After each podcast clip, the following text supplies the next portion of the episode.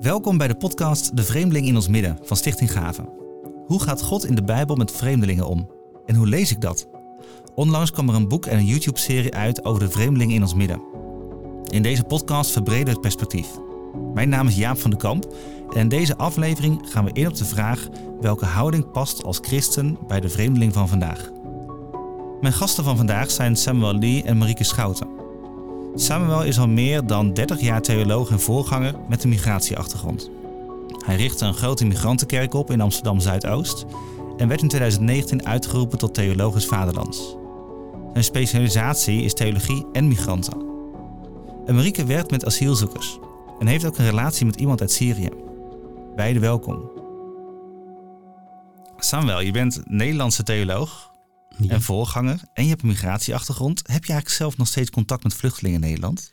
Ja, iedere dag uh, heb ik contact met vluchtelingen in Nederland. Uh, in die zin, ik kom zelf ook vanuit een uh, ja, vluchtelingengeschiedenis, moet ik zeggen, 40 jaar geleden. Dus het vluchteling zijn blijft altijd bij jou. Dat gaat nooit weg. Dus als je zegt, ken jij een vluchteling? Ik denk, ik ken mezelf allereerst. Maar nee, uh, ik werk met vluchtelingen in die zin dat wij bij, uh, in Amsterdam, bij uh, Foundation Academy van Amsterdam, ja, eigenlijk bijna gratis onderwijs, hoger onderwijs bieden aan vluchtelingen, migranten, zelfs mensen uit de kamp, die dan toch willen studeren. En dan hoor je dan hun verhalen en hun leven. Dus in die zin, ik ben iedere dag betrokken met, met vluchtelingen en migranten in het algemeen. Ja. En wat me ook wel opvalt is, is dat je eigenlijk zegt, um, ik ben zelf een vluchteling en dat blijf ik eigenlijk mijn hele leven lang. Klopt. Ik kom ook mensen tegen die zeggen, nee, dat was een bepaalde fase, dat is nu klaar, dat ben ik nu niet meer. Ja, dat is een beetje, dat, dat hangt vanaf hoe je naar het leven kijkt. Hè? Dat is een beetje, als je zwart-wit kijkt, dan kan je dat categoriseren. Maar als je kijkt het leven als een integraal gedeelte van het gehele, eh, dan is dat vluchteling zijn is ook een deel van je leven. En die kan je eh, niet vergeten. En dat zegt de Bijbel ook. Hè? Wees goed aan een migrant, omdat hij ooit zelf ook een migrant was. Dus dat blijft altijd. Uh, in die zin, ik voel me gewoon een Nederlander. Ik voel mij, dit is mijn thuis. En tegelijkertijd ben ik verbonden en voel ik mij verbonden met de vluchtelingen, omdat ik zie mezelf 40 jaar geleden. Dat is het. Ja, dat snap ik wel. Ja. Er zijn natuurlijk best wel veel woorden die gebruikt worden hè, voor, uh, voor mensen die naar ons land komen. Asielzoeker, vluchteling, migrant. Um, is er een woord wat je het liefst gebruikt of een woord wat je liever niet gebruikt? Ja, dat is echt een hele, hele discussie. En ik hou van het woord migrant. Heel veel mensen die, die uh, debatteren ook met mij en zeggen: maar Samuel, migrant, dat is. Dat, het is negatief. Eh, ik denk dat is helemaal niet negatief. Dat komt een beetje door uh, politiek en door ja, omstandigheden dat men het woord migrant in de vorm van ja, negatief gebruikt. Maar eigenlijk, ik, word, ik vind het migrant een mooi woord en ik zie dat ook voor mijzelf als een identiteit. Misschien heel kort, wanneer ik mijn colleges geef over migratie en theologie, ik heb zo'n map met allemaal puntjes op die map. Zo'n wereldkaart. Zo'n wereldkaart. En dan zeg ik, uh, wat denken jullie dat dit is? En dan iedereen zegt, oh, misschien dat is statistiek van iets. Iedereen heeft een idee. Maar dat, is eigenlijk, uh, dat zijn eigenlijk uh, mijn DNA traces. Ja. En, en dat laat zien dat mijn voorvoorouders, die kwamen uit Italië. En dan langzaam zijn ze richting Turkije en richting Midden-Oosten gegaan. Dus eigenlijk mijn hele DNA bevat migratie. En dat van jou ook en van jou ook. En, en dus eh, het is een reis. Het is een reis die we binnen ons hebben. Dat is menselijk. Het is helemaal niet politieks. Het is menselijk. Hoort bij mens zijn. En het gaat ook door. Dus in die zin, ik hou van het woord migrant. En ik ben ook trots op het woord migrant. Het hoeft niet voor mij negatief te zijn. Dus liever worden gezien als iemand die onderweg is dan iemand die vreemd is, als een vreemdeling ja, klopt, bijvoorbeeld. Klopt. Vreemdeling, ja, het is een, iets die vreemd is. Maar ja. Dat. hey, en Marieke, je vriend Salom die komt uit Syrië. Hoe gecompliceerd mm -hmm. is het eigenlijk om in het begin een relatie te hebben met iemand die naar Nederland is gevlucht? Um, ja, dat vraagt natuurlijk nog wel wat uitleg. Um, wij hebben elkaar ontmoet in de tijd dat hij nog een ANC zat. Dus dat, ehm, we stonden alle twee niet bepaald voor open. Ehm, vanwege het feit dat hij dacht, nou, ik heb geen toekomst voor haar. En eh, ik stond er ook niet voor open. Waarom Maar- niet dan? Ja, je ziet dat het heel gecompliceerd is. Je leven is gewoon totaal anders. Je leven is niet gelijkwaardig. Ik had bijvoorbeeld een hartstikke drukke agenda. Ik ben gewoon. ehm, ik had genoeg uitdagingen in mijn leven. Terwijl hij bijvoorbeeld, hij was behoort oud, eigenlijk om het even zo te zeggen. Hij had weinig. Ehm, zijn opleiding kon hij niet doen. Eh, hij was nog aan het wachten. Heb je dus alleen daar al was het zo ongelijkwaardig. Dus dan moet je echt. Ik denk dat wij wel heel erg gezocht hebben aan het begin van oké, maar wat, eh, wat is de kern? Zeg maar, hè? Als, als alle buitenkant dingen niet hetzelfde zijn, waarom zouden wij nog wel bij elkaar passen? En ik denk dat dat wel ons heel erg geholpen heeft om een spade dieper te gaan en elkaar nog beter te leren kennen. Dus, nou ja. En wat heb je dan gedaan om dat te overbruggen? Want het lijkt me inderdaad in het begin best wel zoeken. Nou ja, je komt dus dingen tegen, maar eh, je gaat dus zoeken van oké, maar wie ben ik? Eh, of wie is hij? Zonder, ehm, zonder zijn baan of zonder zijn status of zon, gewoon als persoon. Snap je? Dus eh, daarin ben je wel weer gelijkwaardig. Snap je? Daarin, hij heeft zijn geschiedenis, ik heb mijn geschiedenis, maar je bent beide mens. Ehm, dus ja, ik denk dat dat al gauw om de hoek kwam, omdat je dus op zoveel dingen niet eh, matcht. Ja, dat lijkt me best wel zoeken naar wie ben je nog meer dan, dan eh, de fase waar je op dat moment in zit. Nou ja, precies. En dat, ik denk dat het in het begin wel echt lastig was, omdat je elke keer weer nieuwe dingen tegenkwam die, waarin wij verschillend waren. Ehm, maar ja, door gewoon door te gaan en door te zeggen: Oké, ehm, eh, toch hou ik van jou, zeg, snap je? En ja, Ja. snap je, dat, dan, dan, dan gebeurt er wat en dan kom je er ook wel eh, stapje, door- stapje bij stapje doorheen. En ehm, dat is gewoon, als ik nu terugkijk, denk ik dat het eerste jaar gewoon best heel pittig was. En nu is het gewoon veel rustiger vaarwater. Hij heeft zijn status, wacht op een huis, heeft, eh, werkt zes dagen in de week. Dus ja, het is een heel ander leven geworden. Dus, Heb je daar ook bewust op gewacht voordat eerst dit zou plaatsvinden in zijn leven? Mm, nee, zeker niet. Nee, het is gewoon fijn dat het nu rustiger is, maar het is niet per se. ehm, kijk, het, het is iets minder gecompliceerd geworden, maar het is niet per se ehm, minder mooi of zo. Het had ook juist mooie kanten als het dan eh, soms gecompliceerd is en als je toch zegt van oké, maar we, we gaan voor elkaar. Dus eh, ja.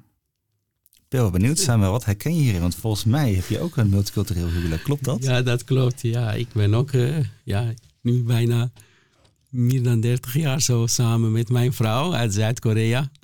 Nou, eh, zij was geen eh, vluchteling. Zij kwam hier echt voor, als een specialist om te werken bij een bedrijf.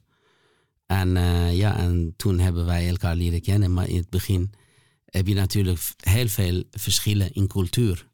En oké, wij komen ja, beide een beetje uit Azië. Dus die Aziatische cultuur, eh, dat eh, kan op sommige ja, punten wel op elkaar lijken. Maar toch eh, zie je dat, dat verschil tussen... Koreanen zijn een beetje Nederlanders van Azië, zijn heel direct. Als ze iets niet leuk vinden, gewoon eh, bot helemaal zegt, recht zeggen ze gewoon wat ze niet leuk vinden. Maar eh, het gedeelte waar ik vandaan kom is het een beetje beleefdheidsvorm. Ik zeg ja, maar ik bedoel nee.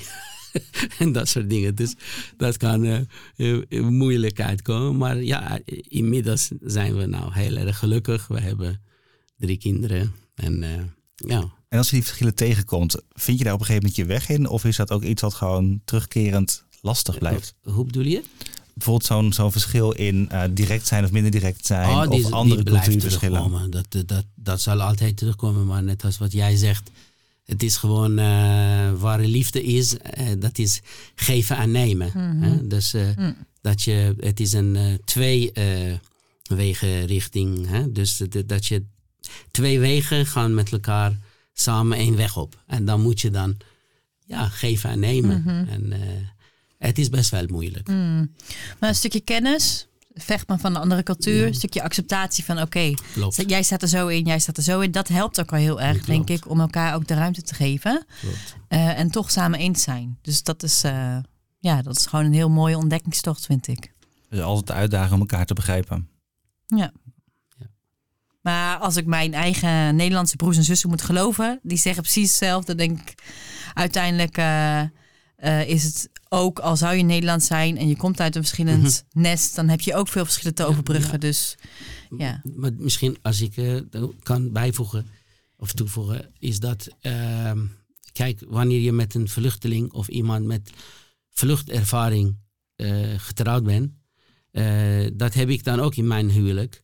Van in het begin bijvoorbeeld, mijn vrouw kon niet begrijpen dat ik bijvoorbeeld altijd in een survival mode ben. Dat ik altijd klaar ben om bijvoorbeeld weg te gaan, wegrennen. Stel voor dat er nu iets gebeurt. Of dat je twintig keer achter je omkijkt. Of dat je heel voorzichtig bent eh, dat bepaalde overheden niet jou in de gaten hebben. En als je dus dat ervaring niet hebt, dan denk je, ah, eh, die man eh, die, die overdrijft. Hè? Maar als je iets meemaakt, hè, als vluchteling, maar ook misschien andere dingen. En eh, dat kan wel in een relatie soms ehm, ja, verwarring brengen van waarom doet mijn partner zo bijvoorbeeld. En, en dat heeft te maken dan met die reis die je eh, gemaakt hebt om, om hier te komen, om hier te zijn. En voel je dat effect van die reis nog steeds in je leven? Eh, ik moet eerlijk zeggen, ja. Dat zie ik altijd. En, en niet per se vanuit het perspectief van Nederland, maar vanuit het perspectief van andere landen. Van, dat je altijd voorzichtig moet zijn of met wat je zegt en eh, wat je doet. En eh, dat je niet verkeerd wordt begrepen en dat soort dingen. Maar tegelijkertijd ook als je kijkt naar eh, bepaalde ontwikkelingen of politieke ontwikkelingen of regionale ontwikkelingen, de oorlog in Oekraïne, dan komt dat survival moed weer bij je. Van hey, mo- moeten wij nou weer vluchten bijvoorbeeld? Moeten we nou weer ergens naartoe gaan? En ja, dat is soms bij je partner dan niet zo, omdat die heeft dat niet meegemaakt. Herken je dat, Marieke, die voorzichtigheid? Nou, daar is me wel voor gewaarschuwd. Zeg maar, aan het begin. Ik, ik had natuurlijk heel veel contact met eh, vluchtelingen in de tijd dat ik eh, mijn vriend ontmoette. Ehm, dus daar heb ik zelf ook heel erg over nagedacht. Hebben wij over gepraat ook heel veel van, nou, waarin, ehm, waarin zou je dat kunnen hebben? Ik, merk het minder eigenlijk. Ehm, ik denk dat hij, nou ja, vanwege zijn vluchtgeschiedenis dat niet altijd ehm, had, zeg maar. Dus dat maakt nog denk ik wel verschil. Ja. Ehm, maar bijvoorbeeld waar ik meer zie is gewoon het ontworteld zijn, het weer wortelen, dat dat, Mhm. dat, dat een bepaald proces is.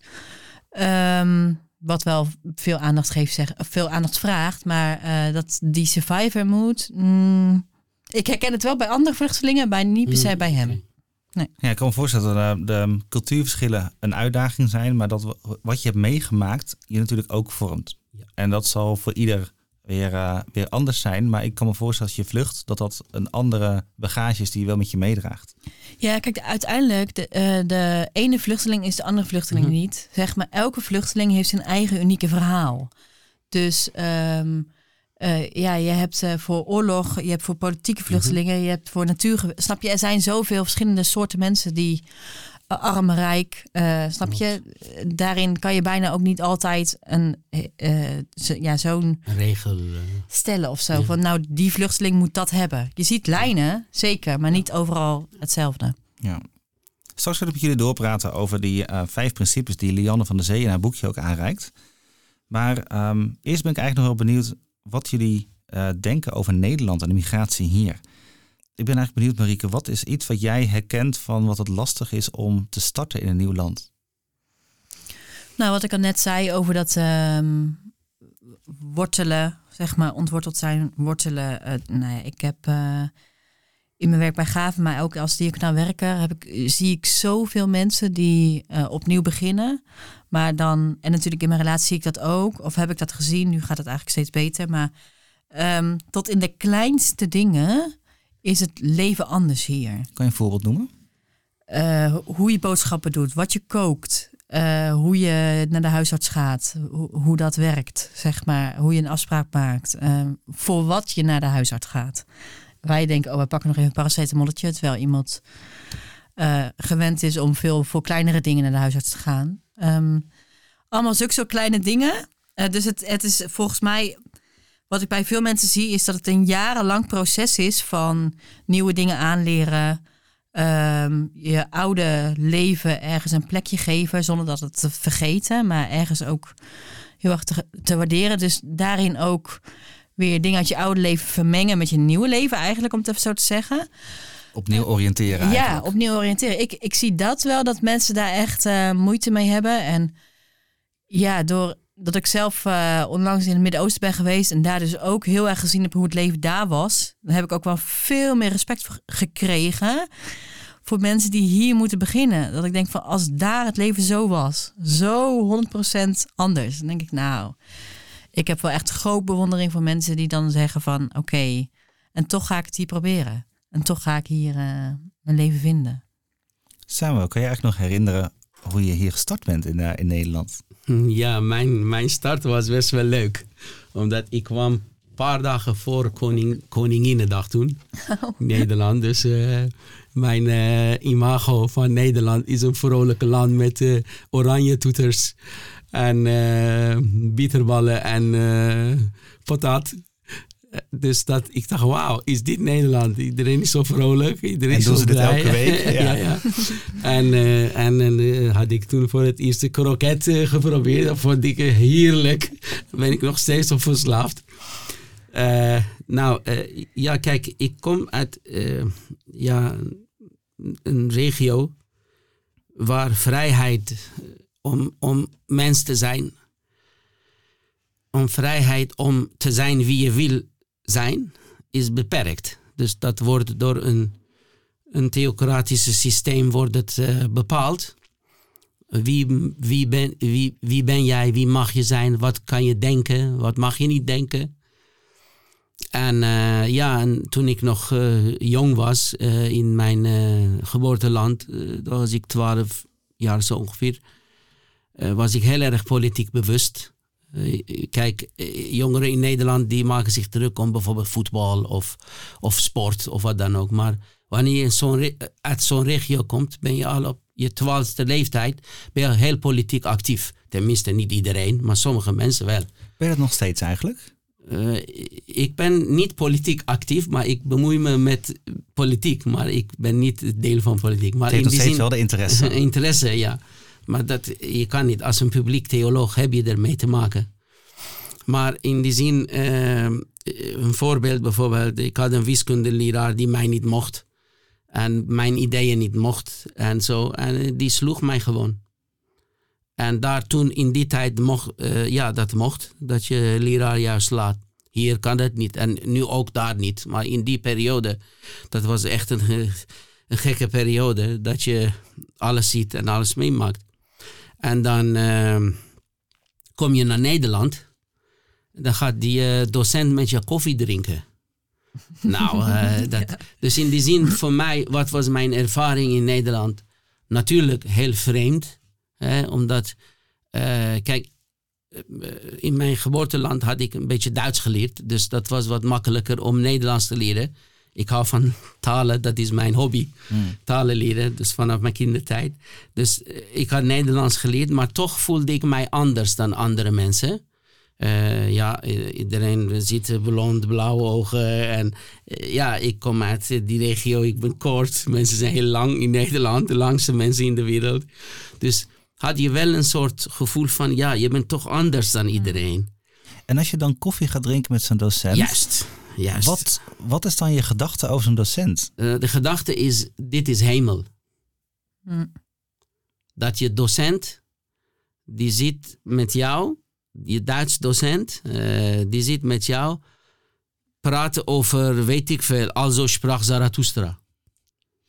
Dat lazen wij toen wij nogal twaalf jaar oud waren. En, en, en of de, de, de, de man die in de bibliotheek uh, werkte, die heeft mij dan toen aangeraden van Samuel, ik wou rechten studeren.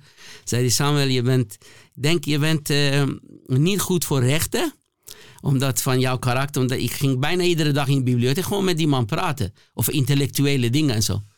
Toen zegt hij, misschien moet jij culturele antropologie gaan doen. Niet westerse sociologie. Dus in die zin, dat vrijheid die ik hier ervaren heb, dat uh, tot nu toe uh, neem ik niet vanzelfsprekend. Daar ben ik heel blij mee. En dat is, dat is ook voor mij thuis is een plek waar je vrij kan zijn. En ja, die ervaring die ik met Nederland had in het begin. Natuurlijk, ik had ook moeilijke tijden, omdat je moet wachten op je vergunning. Hmm. dan ben je, ik heb in één jaar uh, Nederlands geleerd en ben ik gelijk geplaatst in drie VWO. Moet je je voorstellen. Dat was heel moeilijk. Dat gaat dus, tegenwoordig wel anders. Ja, uh, ja toen er tijd we hadden ze geen regels. Ik weet niet wat dat was allemaal. Dus ik moest allemaal hard, keihard werken, keihard studeren. Dat. Maar dan wacht je nog, ben ik nog, heb ik nog mijn status of niet? En zo, dan weet ik nog dat de directeur van de school kwam in de klas en zei die van, nou gefeliciteerd, we hebben net een bericht gehad dat jij, dus jullie, dus dat soort dingen. Maar ik kan me nog herinneren, omdat wij moesten in het beginfase elke week een stempel krijgen. En wat ik me nu kan herinneren, dat is in Waterlooplijn. Dat was dat in de buurt van Mozes en Aaronkerk. En nou in de ochtend als je daar staat, om acht uur al, er is een lange rij van mensen die gaan uh, stempel krijgen. Nou wat deed ik? Ik ging in de avond, om drie uur in de nacht, met zo'n karton, ging gewoon daar slapen zodat in de ochtend ben ik een van de eerste, zodat mijn uh, ja, familie kan ook meekomen, stempel krijgen. Dus ik heb ook ervaren uh, hoe je op straat slaapt in de Waterlooplijn. En nu uh, zie ik dat bij andere vluchtelingen of mensen die dat ervaring hebben, omdat dat kan ik zijn 40 jaar geleden. Klinkt wel als een tijd met veel impact, een intensieve tijd. Intensieve tijd, maar ook mooie tijd. Hmm. Ik ben eigenlijk wel benieuwd als je dan nu naar migratie kijkt, want nu ziet het er anders uit. Er zijn andere regels. Um, je wordt inderdaad niet zomaar in zo'n VWO-klas geplaatst, bijvoorbeeld. um, maak je wel eens zorgen als je nu naar migratie kijkt in Nederland? Ja, kijk, uh, net als wat ik zeg, migratie is er altijd geweest. Dat, dat is, we noemen dat migratieproblematiek, die is er altijd geweest. Wat ik wel mij zorgen maak in Nederland is dat, dat we telkens en altijd over cijfers hebben. Uh, terwijl migranten geen cijfers zijn. Die zijn mensen met namen. Die heten toevallig misschien Samuel of uh, uh, Ahmed of Georg, George of wat dan ook. En die zijn allemaal mensen. Mensen met verhalen. En meestal in het, in het politieke debat hebben we het over cijfers. de stromen van zoveel mensen. En dat creëert zo'n beeld bij de samenleving uh, dat, oh, Nederland loopt vol of Nederland zit in een crisis. En zo, dat uh, maakte mij uh, ja, ja, bezorgd over. Van, maar cijfers geven toch ook een overzicht? Waarom dat is, is belangrijk. Waarom is het een probleem? Omdat je blijft alleen maar bij die cijfer. En je gaat niet verder, dieper dan alleen die cijfer. Je, je, je gaat niet kijken van een voorbeeld. Ik zat bijvoorbeeld in een, in een plek. Nou, ik ga geen namen noemen, maar dat was een plek in Amsterdam met heel veel ongedocumenteerde migranten. Ook vluchtelingen die ongedocumenteerd zijn uiteindelijk. Nou, uh, die man die zegt uh, tegen mij: uh, Kijk, ehm, meneer, meneer Lee zegt die. In de ochtend word ik wakker. Aan het ontbijt word ik al aan herinnerd dat ik een IND-nummer ben. Tijdens lunch ook denk ik zo. Voordat ik naar bed ga, denk ik zo. En ik heb ook nog een nieuwe naam. Ik ben uh, ongedocumenteerd. Uitgeproduceerd. Uh, hoe zegt dat? Uh, Uitgeprocedeerd. vluchteling. Dat is mijn naam. Maar weet u, in mijn land, ik was een docent. Ik ben een vader. Ja, dus de mens achter de cijfers de mens wil je weer zien. achter de cijfer. Ja. En dat zien we niet in Nederland. En wij hebben het over alleen maar cijfers. En als ik dat mag zeggen nu, even mijn hart even legen is dat. Dat wij dan gaan contracten sluiten, afspraken sluiten met allerlei landen buiten rondom Europa. Die we eigenlijk die landen al dictatoriaal noemen. En tegelijk gaan wij met die landen uh, afspraken maken, uh, geld geven zodat die route om naar Europa te komen nog moeilijker wordt. Voor mij, dat is een pure corruptie. Hmm. Het is gewoon uh, wietcorruptie. Als wij het woord witwassen gebruiken, en ik wil het woord wietcorruptie gebruiken, van in mooie pakken gewoon geld geven aan bepaalde landen die wij ook nog bekritiseren. Hou die vluchtelingen, die cijfers, die mensen weg van ons. En daardoor gaan zij dan nog gevaarlijkere routes uh, uh, volgen. En in de Mediterranean Sea, dat ze daar gaan sterven. In een kampen belanden die we helemaal niet weten waar het over gaat. En dan, dat is dan voor mij gewoon corruptie. En dat kan eigenlijk alleen maar als je de mens niet ziet, maar ze blijft benaderen als ja. bedreigingen, cijfers ja, enzovoort. Klopt, klopt. Hoe zie jij dat, Marika? Nou, ik heb wel een vraag aan uh, Samuel. Zeg maar, Samuel, hoe zou jij dan... Um, zeg maar, je ziet wel dat Europa, dat veel mensen naar Europa trekken. Klopt. Um, maar is Europa nou altijd de oplossing? Juist, juist, juist. Daar heb je... Dat is een hele mooie vraag. Mm -hmm. Hele mooie vraag. Kijk, daarom, uh, jouw vraag, dus uh, uh, over migratie in Nederland ik zie migratie als een thematiek. Ik wil hem geen problematiek noemen, maar een thematiek, een thema dat de wereld samen moet oplossen. Hmm. Het is niet een probleem van Nederland. Het is, laat maar zeggen, het is een issue dat de, de wereldgemeenschap dit samen moet oplossen. Voordat ik vandaag hier naartoe kwam, keek ik naar de Human Development Report, eventjes. En ik zie, er zijn 66 landen die behoren tot highly developed nations in the world. Dus, en Nederland is nummer 10. Voorheen was het nummer 4, nu nummer 10. Er zijn 66 landen met high development index. Dus veel welvaart eigenlijk. Eh, welvaart. Ja. Die welvarende landen moeten dan samen bij elkaar komen Net zoals wij dat over het milieu doen en over het uh, global warming doen. Dat ze samen bij elkaar komen en zeggen van deze zijn de vluchtelingen. En die willen we gaan opvangen. Niet alleen Nederland, maar Japan moet het ook doen.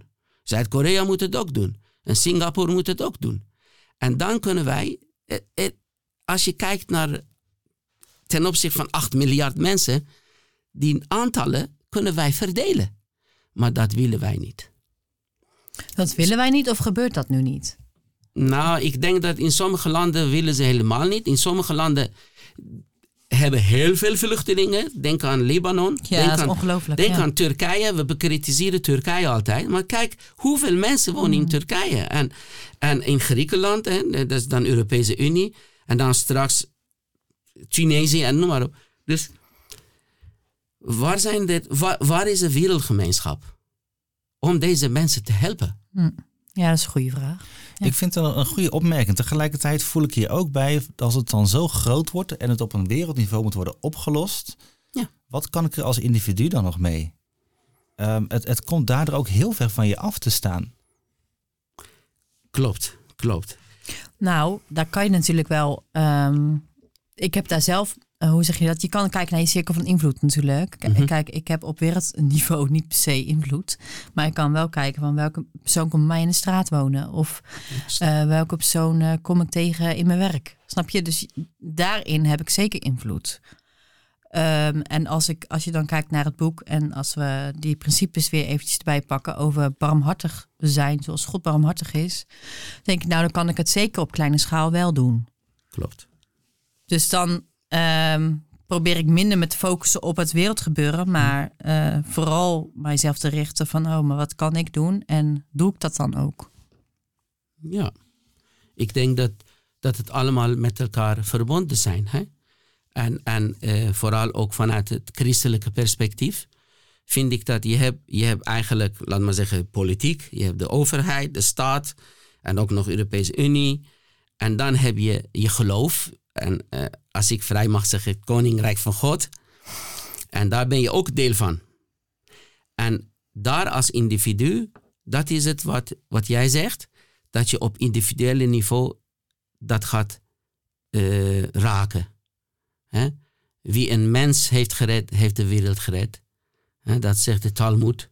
Hmm. En, en, uh, en dat je dan op die niveau uh, met mensen werkt. En dat je op die niveau mensen helpt. Hè? ik kan niet omkijken als ik iemand zie die misschien mij was 40 jaar geleden dat mijn bewustzijn, mijn innerlijke ja, consciousness, dat gaat mij niet toelaten. Ik moet iets doen. Natuurlijk in mijn beperkingen, ik ben ook beperkt. Ik kan wel heel mooie dingen vertellen, maar ik ben ook beperkt. Dus in mijn hoedanigheid, in mijn beperking, tot de uiterste gaan om die persoon te kunnen helpen. De verantwoordelijkheid blijft. Ja. ja. Straks zullen we jullie verder kijken naar de principes van, uh, van het boekje. Om daar eens over door te praten. Maar eerst is het tijd voor een Bijbels portret. We gaan luisteren naar Nehemia. Ik vervloek ze. Ik sla ze. Ik trek ze de haren uit. Hoe durven ze hun kinderen te laten trouwen met die vreemdelingen? Met die Nokri-vreemdelingen die vasthouden aan hun eigen goden, aan hun eigen religie. Ik, Nehemia, ben razend dat mijn volksgenoten trouwen met die vreemdelingen. En jij vraagt waarom? God gaf ons lang geleden ons eigen land. We mochten niet trouwen met Nokri-vreemdelingen. Dat waren de vreemdelingen die tijdelijk in ons land waren om economische redenen, maar die hun eigen godsdienst niet wilden opgeven. Dus ja, trouwen met hen betekent God terug toekeren. We zouden Hem verlaten. Van een heilig, apart gezet volk onderscheiden is dan geen sprake meer. God zou kwaad worden op ons en ons doden. Maar hebben we naar God geluisterd? Helaas niet. We gingen wel trouwen. We gingen hun goden aanbidden. En dat hebben we geweten. God werd kwaad. We werden bezet en gedeporteerd. Er bleef weinig van ons volk over. Maar ik heb het overleefd, godzijdank. Ik ben terug in Jeruzalem, nu met alle ballingen. En nu staan we voor de keuze. Gaan we nu voor God kiezen en Hem op nummer 1 zetten?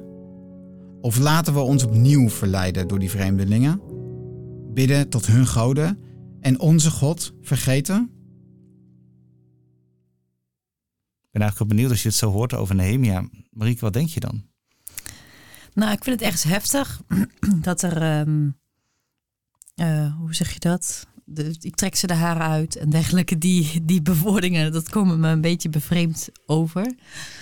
Ehm, tegelijkertijd hou ik ook wel een beetje van die scherpheid, zeg maar. Ehm, wel soms nog in het oog te houden. Kijk, we, we leven in een hele multiculturele samenleving.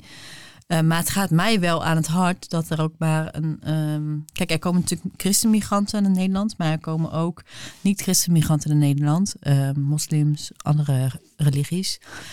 Kijk, mijn verlangen is wel dat zij uiteindelijk wel Jezus als Heer erkennen. Maar dat gebeurt niet altijd. Snap je? Dus ergens die dubbelheid, um, ja, blijf ik wel voelen. En daar daar ben ik wel mee bezig, ook in mijn werk. Van oké, eh, soms vraag ik me wel wel eens af van wordt ons land. Uh, ik, ik spreek heel veel mensen die echt bezorgd zijn over ons land. Die, die letterlijk zeggen over twintig jaar is, hebben we een grote moslimmeerderheid in Nederland. En dan denk ik, ja, is dat zo? Ik weet het niet. Maar ik, ik, ik, ik probeer wel met richten, zeg maar, ik, ik, mijn eigen persoonlijke missie is wel uiteindelijk die aanbidding van alle volken. Dus ook in mijn diaconale werk of mijn werk bij Gaaf probeer ik dat wel in mijn achterhoofd te houden. Van, uh, dat is mijn diepste verlangen, dat iedereen Jezus lid kennen. Ja, je haalt eigenlijk ook een van die, uh, van die vijf principes aan waar Lianne over schrijft. Um, ik noem ze even heel kort. Ze staan ook in het boekje, ook um, als laatste hoofdstuk. En eigenlijk maakt Lianne daarin de vertaalslag van wat ze ontdekt heeft in het, uh, in het Oude Testament en Nieuw Testament, waar ze heel gedetailleerd over schrijft. Maakt ze een vertaalslag naar vandaag, want je niet één op één um, het Oude Testament kan toepassen in onze, in onze maatschappij nu. En um, nou ja, ik zie hier een beetje aan het einde van het boekje staan van de vijf principes. Is bijvoorbeeld, um, het geeft je motivatie voor barmhartigheid. Zodat je handelt zoals God handelde met jou. Ehm, ook over de sociale context, dus dat je het toepast op lokale schaal. Dus je vooral kijkt wat voor impact kan ik zelf in mijn omgeving maken. Het doel van die aanbidding van God door alle volken, wat je eigenlijk net al noemde, Marike. De noodzaak dat je ehm, preventief bezig bent voor kwetsbare vluchtelingen en ook gericht op medechristenen. En ook de consequenties die het heeft. Dat je uh, goed zijn voor anderen ook een zegen voor je is, maar ook het onthouden van je goed zijn voor anderen ook juist een oordeel naar je toe uh, komt eigenlijk. Um, Marieke, je noemde al van die aanbidding van God alle volken. Dat is iets wat, je, wat echt je wens is. Maak je dan ook echt zorgen over um, dat bijvoorbeeld heel veel moslims hierheen komen of andere groeperingen? Want ik hoorde dat net ook een beetje noemen. Kijk, ik, um, vanwege, vanwege mijn relatie spreek ik heel veel mensen die uh, in hun uh, land van herkomst ontzettend veel last hebben gehad van moslimgroeperingen en dergelijke. Um, dus daarin ook heel erg die bril hebben van oké, um, ja, hoe moeten we daarmee omgaan? Hoe is dat in Nederland? Snap je? Dus daarin, ja, tegelijkertijd ik heb mezelf daar niet per se zorgen om gemaakt. Maar sinds dit in mijn leven is gekomen, uh, ben ik met iets andere ogen naar gaan kijken. Maar ik ben er nog niet over uit. In die zin van, ja, is dat echt zo? Of zijn er in Nederland toch wel veel meer, um, zeg maar, de multiculturele samenleving? Dat typeert Nederland ontzettend. En denk, ik vraag me dus af of dat over 30 jaar nou echt zo anders gaat zijn. Maar ik ben dus benieuwd ja, wel hoe Samuel erover nadenkt. Ik, ik zou eerst zeggen, de tekst die, je net, uh, die hebben we net geluisterd. Uh, ik zou zeggen, wauw. Dat is echt een heftige tekst. Dat moet ik zeggen. Uh, hoe kijk ik naar? Kijk, ik kom zelf ook. Mijn achtergrond is van een land waar ja, religies niet vrij zijn.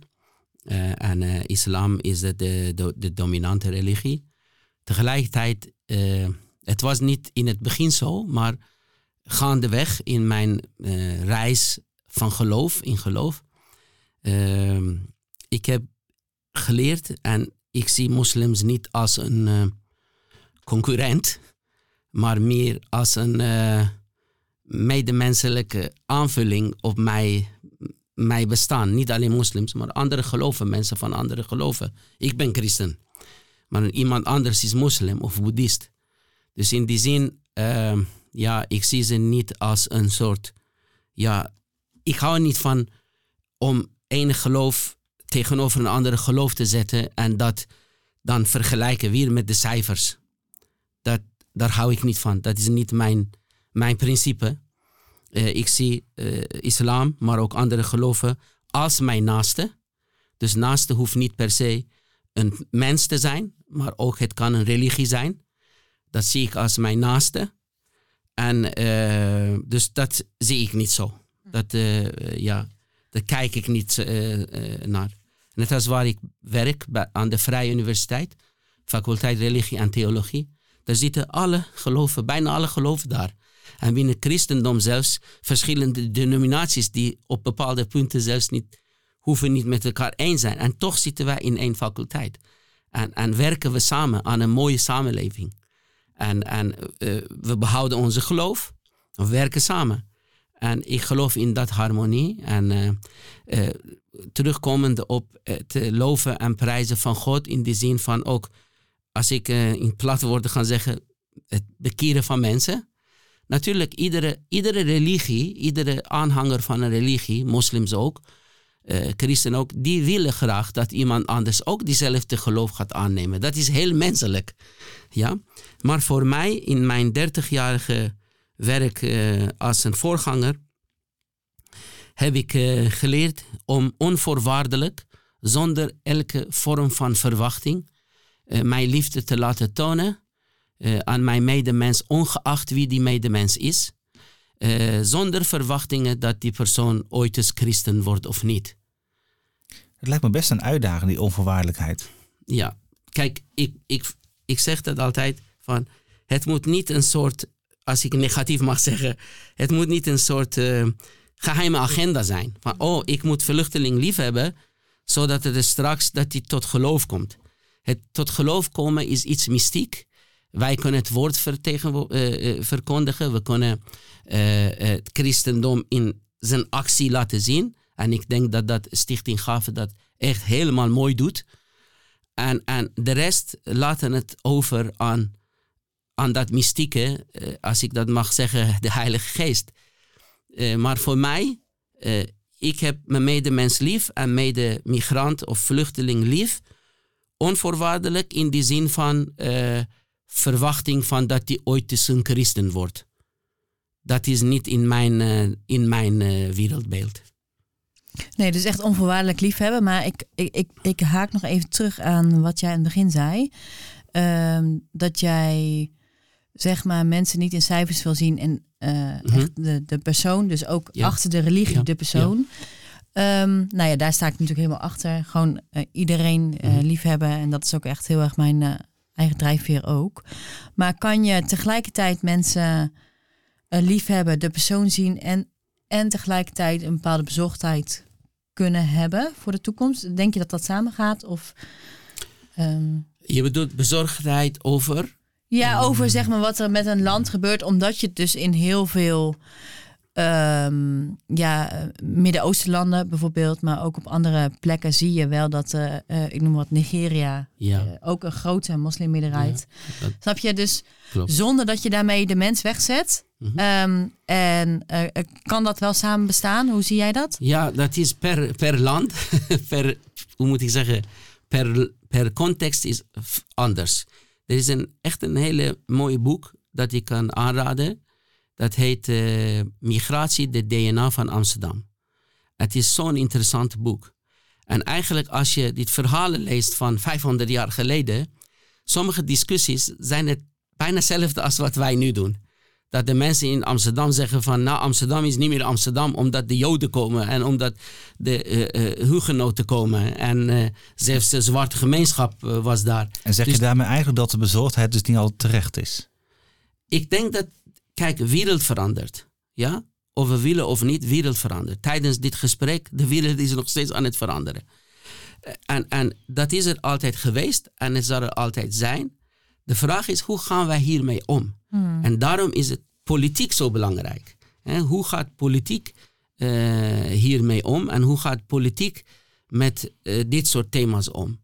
Dus wij doen als individuen, als organisaties of NGO's, doen wij onze part en onze, onze deel. Maar aan de andere kant, ja, hoe beschrijft een regering of een overheid eh, of een politieke systeem eh, de, de, de, de eh, migratiebeeld? Wat voor beeld creëer je? En dat is heel belangrijk.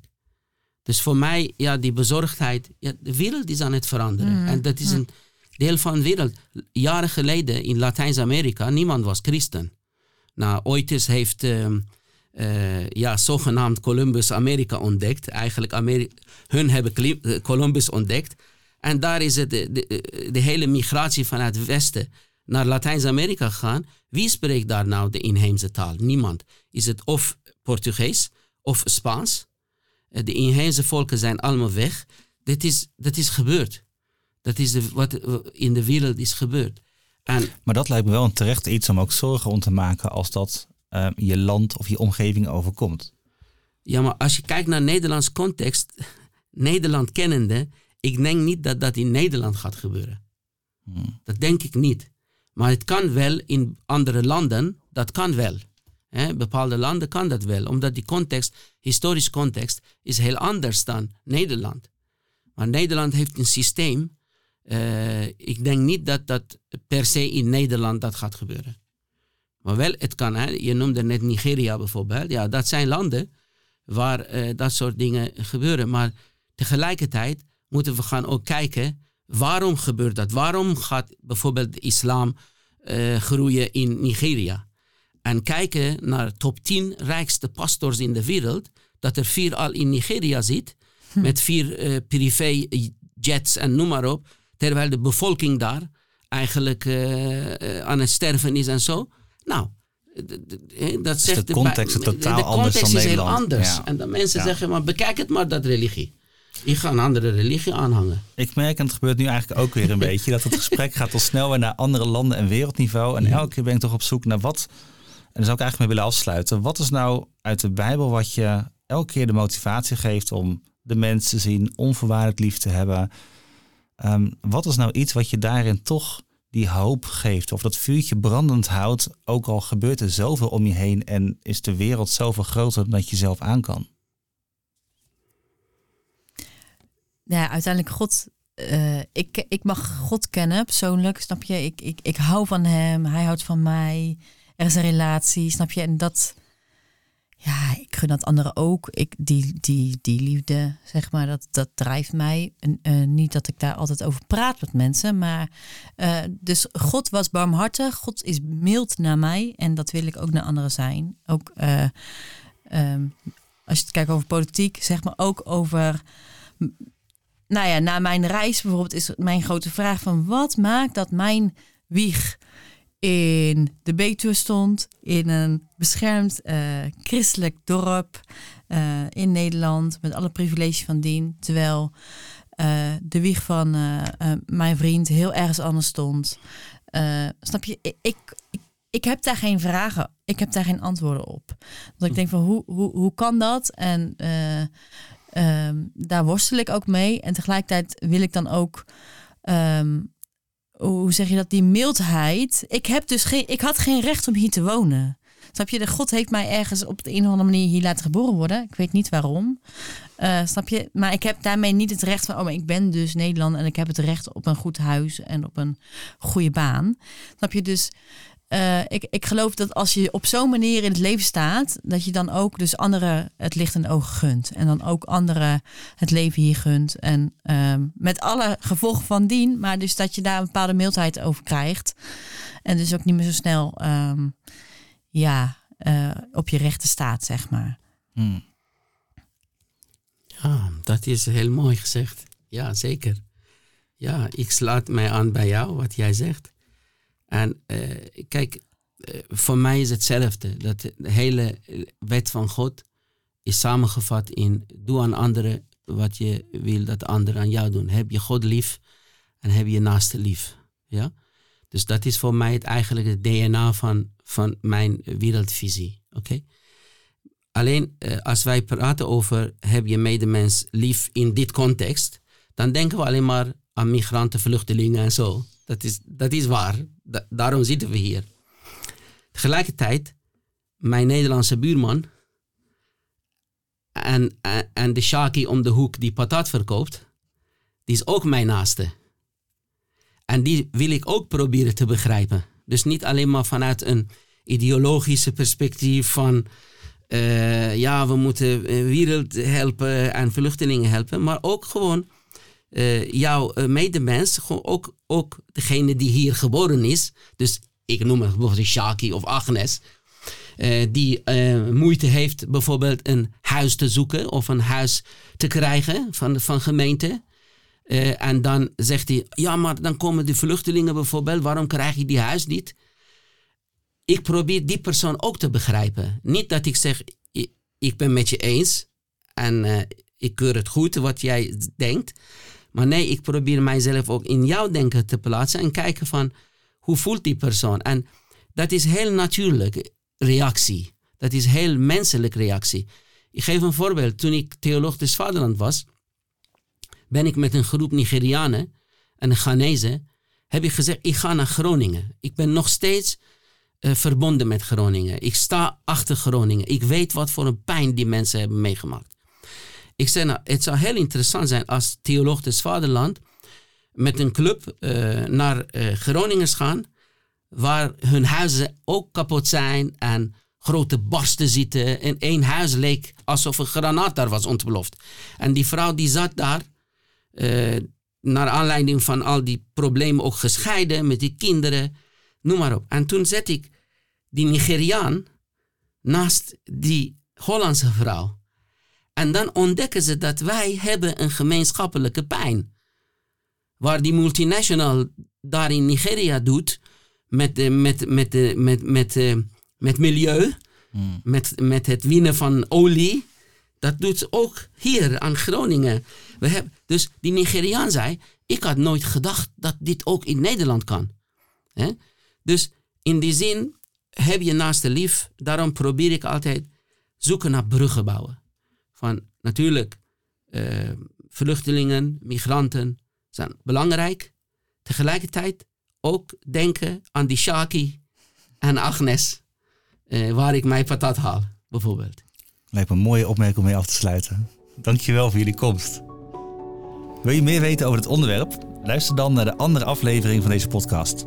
Bekijk de videoserie op YouTube of lees het boek De Vreemdeling in ons midden van Lianne van der Zee. De links naar alle media vind je in de show notes. Deze podcast is een uitgave van Stichting Gaven en werd gemaakt door Matthijs van Engelen en Lianne van der Zee. Met dank aan Ronald Koops en Joost Bastiaans.